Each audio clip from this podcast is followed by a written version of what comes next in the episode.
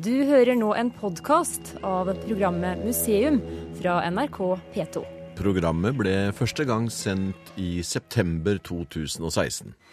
Jeg ser en pilstol. En pirstol, Ja. Det går fort og presist unna når Else Marie Urke fører de to stoffbitene under nåla på den kraftige symaskinen. Stoffet skal kle en empirstol. Museum er i Sykkylven, og programmet i dag skal handle om møbelhistorie. Det er jo fint å se at det fortsatt er eh, håndarbeid. Da. ja, det trengs i Norge. Ja. Ja. Jobber i møbelen i 25 da.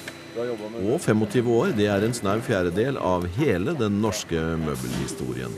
Senere i programmet skal vi tilbake til Gjelle møbelfabrikk, der Else Marie Urke og kollegene fører norsk møbelhistorie videre. Nå kjører vi noen minutter fra møbelfabrikken og inn til sentrum av bygda, til Møbelmuseet. Det er en del av Sunnmøre museum, og her er mye av historien samlet. Det var en ung bondegutt som satte det hele i gang, i forbindelse med at han gikk på kurvflettingskurs, forteller museumsleder Kjetil Tanstad. Norsk møbelindustri starta jo egentlig for litt over 100 år siden Ja. på Stranda, altså nabokommunen her. Det var Petter Ivarsson Langlo. Han var 15-16 år. Og han fikk da sjansen til å gå på et korgflettingskurs. Og han, eh, det var- varte jo et par-tre måneder. Og på det kurset så laga han en fin liten stol, og så eh, fikk han en god idé. Og den ideen det var å eh, lage korgmøbler i Norge. Det var nemlig ikke vanlig.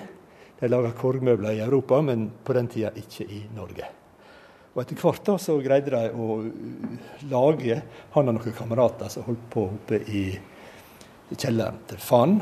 De eksperimenterte og fikk etter hvert Ja. fram en sånn stol som det der. Ja. Så, etter 20 år så var dette den største korgmøbelfabrikken i Skandinavia. Ja vel.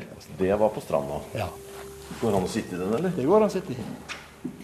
Så det er begynnelsen. altså Nå setter jeg meg på en måte på Ja, er... grunnpilaren i, i hele møbeleventyret her i Du, den var god å sitte i òg. Ja da, og de er ganske vakre. 90 år er vel denne stolen der, tenker jeg. Den her. Ja, Fra PI Langlos fabrikker. Og den eh, lager ikke så mye lyd heller. Den har kanskje gått, gått seg til.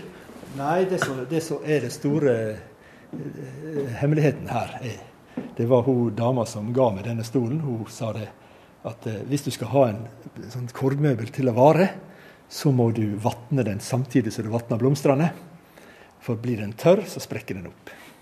Dere vanner den her, altså? Ja, av og til så tar vi sprayer litt på det. Og det var bare korgmøbler? Ja, det var bare kor- korgmøbler den første tida. Ja. Og så ser du en gradvis eh, overgang, der Ja. de blir mer og mer overstoppa, disse korgmøblene. Og til slutt så tar de sånn ca. 1930 så tar de spranget helt ut og lager stoppa møbler av den typen du ser der.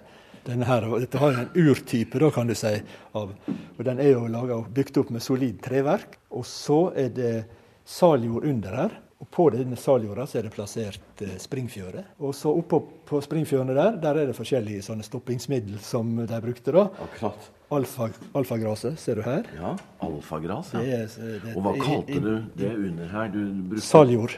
Saljord. Ja, det er det samme som du fester salen på hesten med. Oh, ja. ja, sånne stropper. Akkurat. Og så er det stampelo, eller shoddy. Ja. Det, er- der det er opprevet tøy, da, egentlig. ja, det ser ut som nesten en, en mørk twistfille. Ja. Og så er det eh, noe som heter krøllhår. Det er jo dyrehår, da. Dette er jo i Akkurat. tillegg da kunstig dyrehår. Det, ja, vel, du brukte det, ja. ja. Enda her skulle en tro at det var dyr nok. Men her ser du den ekte dyrehåret. da. Ja. Men det, poenget med dem var at de var krø krølla under eh, når du kokte det, slik at de ble veldig spenstige og fine. Nettopp. Så det holdt eh, eh, volumet oppe. Ble ikke Ja. trykt sammen. Og så eh, trekte de det hele med lerret. Ja. I, i, de trekte det i hvitt, som de sa. Ja. Du ser her, eksempel, Denne stria brukte de jo da til, å, til å I ryggen her, ja. i ryggen for å forme. forme, forme. Sekkestrie, nesten. Ja, sekkestrie. Ja. Og så um, trekte de det i hvitt, og så satte de det på lager. Og så reiste da denne um, Sette på lager. ja, på lager, for de, de gjorde den ikke helt ferdig. Nei. For de ville vente med, med møbelstoffet til kunden hadde bestemt seg. Å ja. Nettopp. Og så sendte de ut av denne, eh, denne eh, møbelagenten, Ja. som reiste land og strand rundt. Og fordi han hadde, ikke hadde da um, eh, bil på den første tida, Nei. så måtte han reise rundt med en sånn koffert Nei, har du full, sett full av sånne modeller. bitte små Det er en, en treseter sofa og, og en, en, en stol. Lenestol. Lenestol. Og så rei- i koff- stoffprøver, koffert ja. hadde jeg stoffprøve, så de kunne velge mellom. Jeg syns jeg ser På hvilken, hvilken tid er den kofferten der, da? Ja, det er 1930, 1940, 1950 kanskje også. Ja. Men da begynte de å få biler. Akkurat. Så de kunne kjøre. Men da var det i nærdistriktet, eller var det Nei, på nei, det var, det Var hele hele, kysten kysten Hele oppover kysten? og hele kysten rundt. altså. Innlandet overalt. De reiste med tog og, og buss og rutebåt og sånne ting.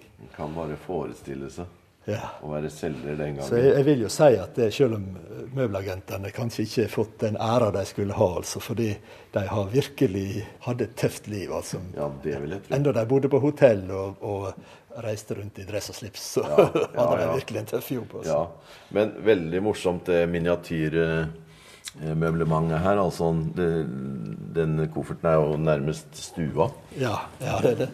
Vi er på Møbelmuseet i Sykkylven sammen med avdelingsleder Kjetil Tanstad. Og vi har nettopp hørt at det sunnmørske og norske møbeleventyret det starta med en kurvstol på et kurvflettingskurs på Stranda. Det er eh, mye over 100 år siden. Men tidene endret seg, og etter hvert kom stoppmøblene inn. Det ble etablert små fabrikker i kjellerne bortigjennom. Det ble knoppskytinger, nye produsenter kom til, og så vet vi jo nesten resten. Tripp Trapp og Stressless og Siesta med flere er produsert i millioner og eksportert til alle verdens hjørner. Siesta er til og med rikelig representert i Det hvite hus. Underveis har det vært noen eh, tekniske smårevolusjoner. Det skal vi snart få høre. Men først skal vi snakke litt om den magnetiske hammeren. Viktigste våpenet for en møbelarbeider den gangen, ja. det var jo denne hammeren Hammer, ja. som, med magnetisk tupp. Ja, Det var for, å, for, for at du kunne Spikre settes. ja, Fordi at du skulle spare ei hand, da. Ja, Og for å, å rasjonalisere ekstra, da, så putter de alle spikrene inn i munnen. ja. Og så henter de det ut som fra et magasin. Sånn. Utrolig. Nå tar Kjetil her hammeren opp til munnen og fester på en, eh, en spiker på denne magnetiske hammeren og så slår på. Det er utrolig. Men det som, det som var med denne spikeren i munnen, da, det var jo at de mista jo tennene veldig fort. da. Oh, ja. Det var veldig sli, slitasje på Slitasje, tennene. ja. ja metall Så de, så de sier det at når de kom disse luftpistolene som skyter spiker inn, Ja. så gikk eh, arbeiderne på en av fabrikkene her ut og kasta disse hammerne på sjøen. De var så glad for at de var kvitt dem. Men, eh, men en veldig god, god idé å rasjonalisere med bruk av hammeren. Det er ikke så ofte. Ja, det, jo, sett. det var jo magasin, da. det var jo nesten som et maskin, en, en maskin, bare det. Det var spennende. Nå kommer vi til vestlandske. Den eh, var opp, opprinnelig siden eh, Ja, den var produsert. Ja. Det var det. Og så ble den oppkjøpt av eh, Ekornes i 97. Så, så den siestastolen har vært i, hos flere produsenter? Den. Ja, det har vært hos tre, tre produsenter. Ja. Men den er seigliva, da? Ja, den er det. Håper den var noen år til. Ja. Knut Relling er møbeldesigner og bor i sentrum av Sykkylven. Og det var faren hans, Ingmar Relling, som i sin tid tegnet lenestolen Siesta. Stolen var den første som gikk til eksport, og det banet vei for andre. Knut eh, vokste opp med denne merkevaren, og nå skal vi til kontorene der faren tidligere arbeidet, og hvor Knut fortsatt har tegnekontor og en stor samling med møbler. Se her, ja. Her møter vi en, Ja da. siesta allerede ved inngangsdøra. Bilder på veggene som viser forskjellige modeller. da. Der er en hvilestol, der er en eh, Ja. så du kan legge sammen. Eh, Hva vil du si er liksom hovedkjernen i design på en Siesta-stol, da? Det er at det er lett og den kan fraktes, kan slå den sammen. ta liten plass under transport. Det var tegna til en konkurranse der eh, eksport var framheva, Ja. sånn at du kunne eh, sende det over store avstander uten Nettopp. å betale luft for det. Ja, ja, nettopp. ja. Det er sånne ting som også er bestemmende, selvfølgelig. Ja da. Men den balanserer jo veldig fint, for beina er jo liksom rett under Ja da, du får en veldig fin fjøring med minimum av materiale. da. Ja. Så, men vi kan gå, på, Ja. gå videre på loftet, så her er tegnestua. da. ja. Her er modell ta, første modellen av Siesta oh, ja. i en på fem. Én på fem, ja. Ja. Lagd nesten i Er det papir? Er det litt metall? Det er metall og papir. Det er sånn man starter den prosessen. Ja, det kan være Først sånn du starter. Først på tegnestadiet. Ja da. Og så prøver du det fram. Men når faren din uh, tegna Siesta-stolen, var det et oppdrag, eller er det noe man finner på sjøl? At nå skal jeg lage en Nei, jeg var tegna til en konkurranse, da. Så han Ja. sto fritt, eh, fritt til å forme ut en, en, eh, Ja. et møbel, sånn han eh, ville ha det. Det var spennende, altså. Hvordan forholdt faren din seg til den suksessen som den stolen ble? Ja? Eh, nei, han forholdt seg Han var ikke interessert i noe eh, suksess. Nei. Han ville være på kontoret, tegne møbler og gjøre sitt beste på det. da. Han var veldig beskjeden og ville, ville heller dyrke sitt fag da, eller, Nettopp. Eller ble berømt. Og, Nei. Men det er jo morsomt at en, um, en kan lage et produkt eh, som konkurrerer eh, med utlandet, og som eksporteres til så mange land. Ja og som fortsatt er i live. Og når var det den første så dagens lys? Det var altså i, 1965. i 1965. ja. Tja. Her ser du forskjellige plakater. Der står han Ja. han var 30, da. Ja. Og alle land som eh, han var eksportert til. Oh, ja. Er det enda flere på lista nå, eller? Skal vi se. Algerie, Andorra, Argentina, Australia, eh, Østerrike, Belgia, Brasil, Canada, Chile, Danmark, Egypt, Finland, Frankrike, eh, Tyskland, Storbritannia, Grekenland, Ungarn, Hongkong, Island, India, Irak, Iran, Irland Italia Ja, og så videre, og så videre. Nær sagt hele verden tar seg en hvil i en siesta fra Ingmar Relling i Sykkylven. Én million stoler er produsert, uten særlige forandringer fra originalen fra 1965. Nå skal vi en tur nedom eh, Gjelle-møbelfabrikken, hvor Siesta fortsatt produseres, og hvor det også viser seg at retrobølgene av og til slår inn. Produksjonsleder Ole Vedvik viser og forteller. Det er det som er så veldig fint her med LK Gjelle her i, i sykkelen. Vi har eh, sandeller. På ei side så har vi sykkelvernstol, og så har vi da eh, møbeltre og disse rundt oss her. Så det er kortreist alt. Men det er her eh, Siesta fortsatt eh, lages også? Ja, stemmer det. Vi, Det er et eh, produkt som har eh, nådd verden. ja da, vi har levert både hit og dit, både til Hvite hus og har stått i mange museum, og, så det er en veldig kjent produkt. De lagde vel over 30 000 for året i sin velmaktstid. Ja. Men den produseres fortsatt. Den produseres fortsatt ja. At en så gammel i i gåseøyne stol eh, fortsatt lever, er jo ganske spesielt. da. Ja, det er veldig spesielt. Da. Det er helt fantastisk. Han, han åpna nå for eh, norsk møbeleksport han, når han kom med den eh, Ja, stolen. For den eksporteres fortsatt òg, eller? Det gjør han. Vi sender konteinere til Japan og, og sånn, da, så det går veldig, veldig bra, den. da. Så har vi en 711-stol som vi har tatt over fra Vatne lenestol. Den er også veldig populær nå. da. Vi har fått tak i eh, gamle tegninger og, og fått den tilbake til originalen sånn som den var. Vi fikk tak i noen tegninger fra et museum. da. Så morsomt. Så, eh, og nå så jeg i avisa i, eh, i går at eh, de var ute etter gamle sånne stoler. De vil betale veldig mye for å få dem. Original i palisander og teak. Det var et skifte sånn på begynnelsen av 50-tallet. Da forsvant mange av disse små eh, verkstedene, kjeller, Ja. kjellerbedriftene. For da kom det nye materialer inn på markedet, og det ble behov for flere større maskiner og større fabrikkbygninger. Og da kunne jo disse som laga de store fabrikkene, trekke til seg disse allsidige fagfolka som hadde lært eh, yrket fra bunnen av. Vi er tilbake på Møbelmuseet og avdelingsleder Kjetil Tanstad, som nå tar oss gjennom noen viktige utviklingstrekk i norsk møbelhistorie. I tillegg så var det en del konfeksjons, eh, eh, konfeksjon her i Sykkylven. Ja. Konfeksjonsindustri. Og der også henter de da folk som kunne med tekstiler. Akkurat. Men eh, de tekstilene og den konfeksjonsindustrien, eh, hang den sammen med møbel... Nei, egentlig ikke, men f.eks. dette huset som står nå, er en gammel konfeksjonsfabrikk. Ja. Og eh, det var to forskjellige industrier, men de, de smelta sammen. Nettopp, akkurat. Ja. Og da fikk de jo øvde syere til møbeltrekket veldig fort. For nå står vi foran Nå har det kommet et nytt materiale her som eh, Ja, det er da skum, Ja. skummateriale. Ja.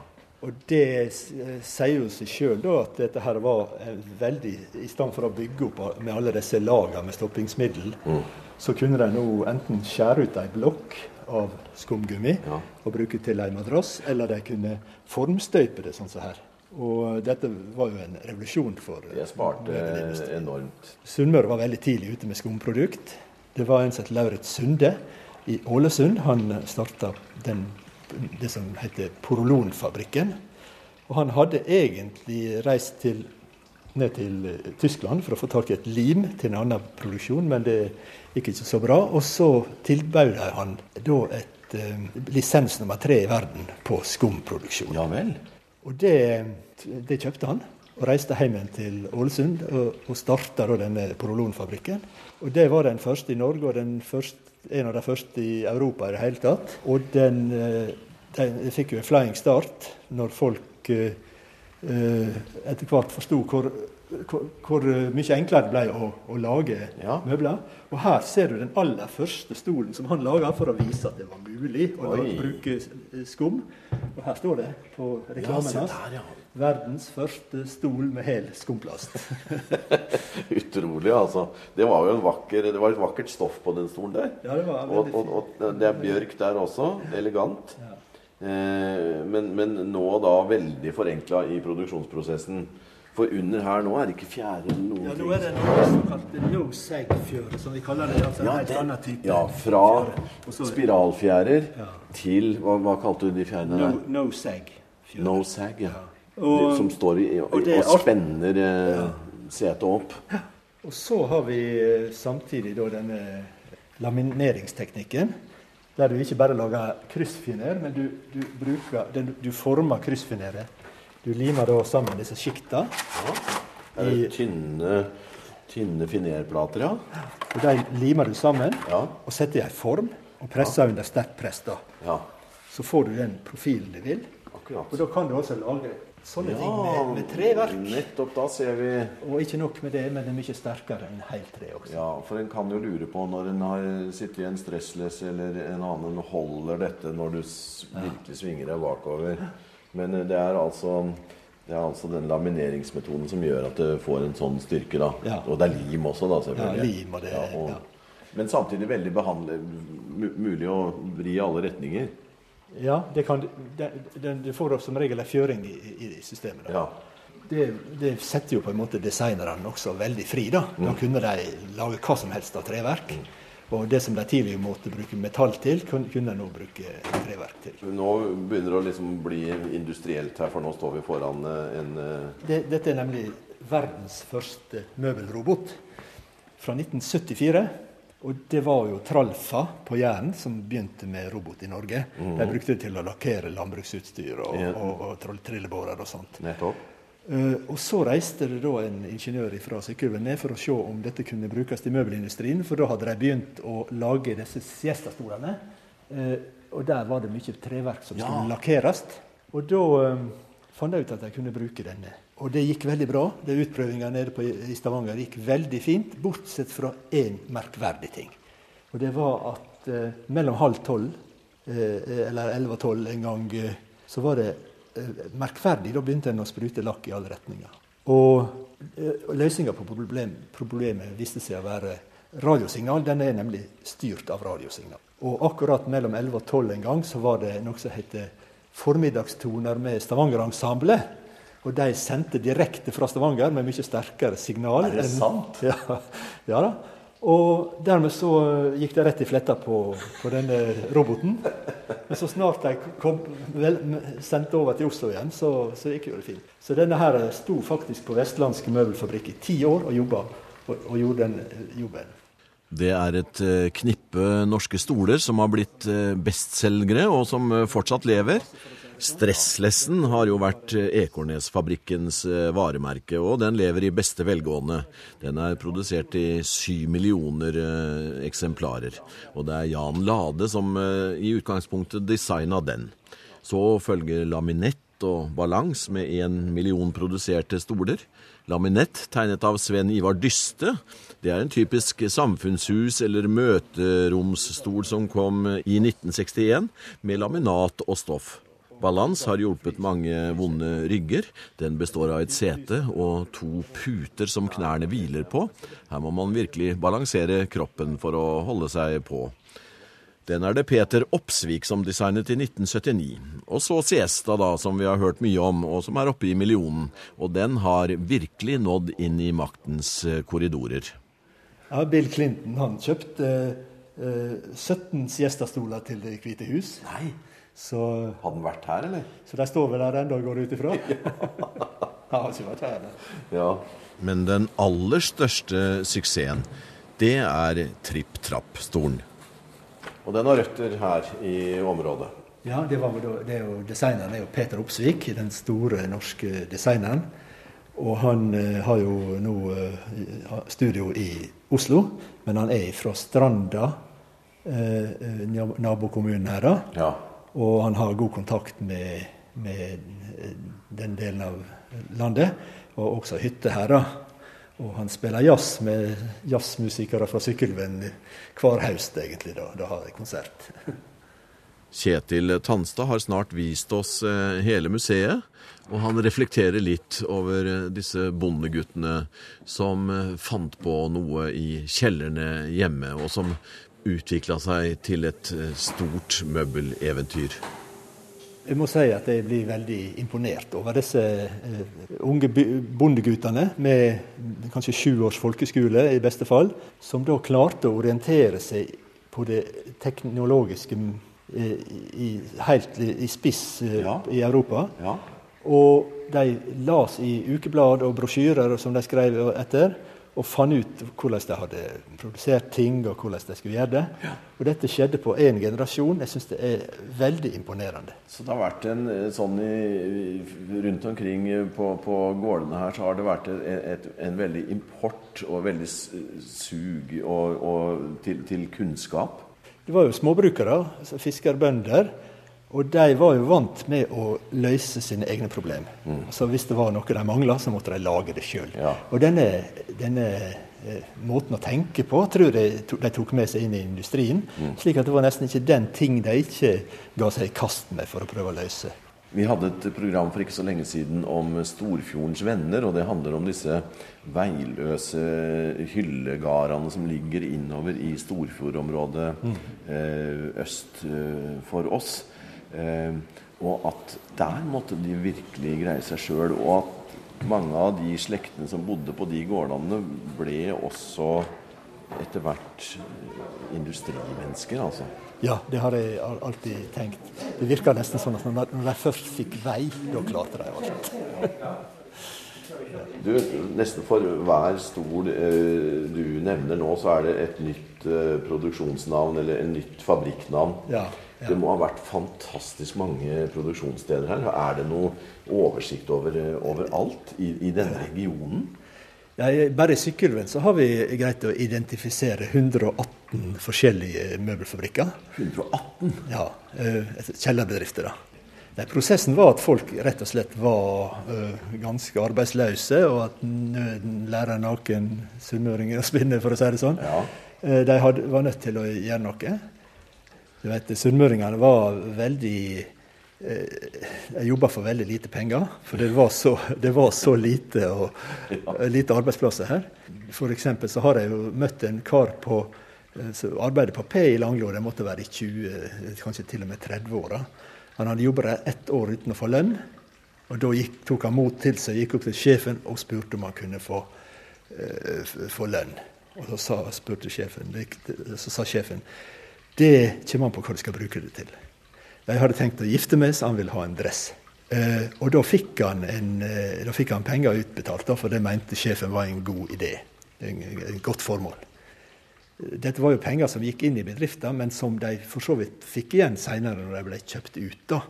Men eh, fordi dette var bondegutter som gjerne bodde hjemme på gårdene og kunne jobbe på gården og få kost og losji, så var ikke de så veldig opp, nødvendig for dem å få lønn hver måned. Så en del av det kunne gå inn som et innskudd, slik at da fabrikkeieren kunne kjøpe maskiner og, og, og sånne ting. da. For det var jo lite kapital i, i miljøet også. Og på denne måten så klarte de å skrape sammen til en, en fabrikk da, etter hvert. Du har nå hørt en podkast av programmet Museum fra NRK P2.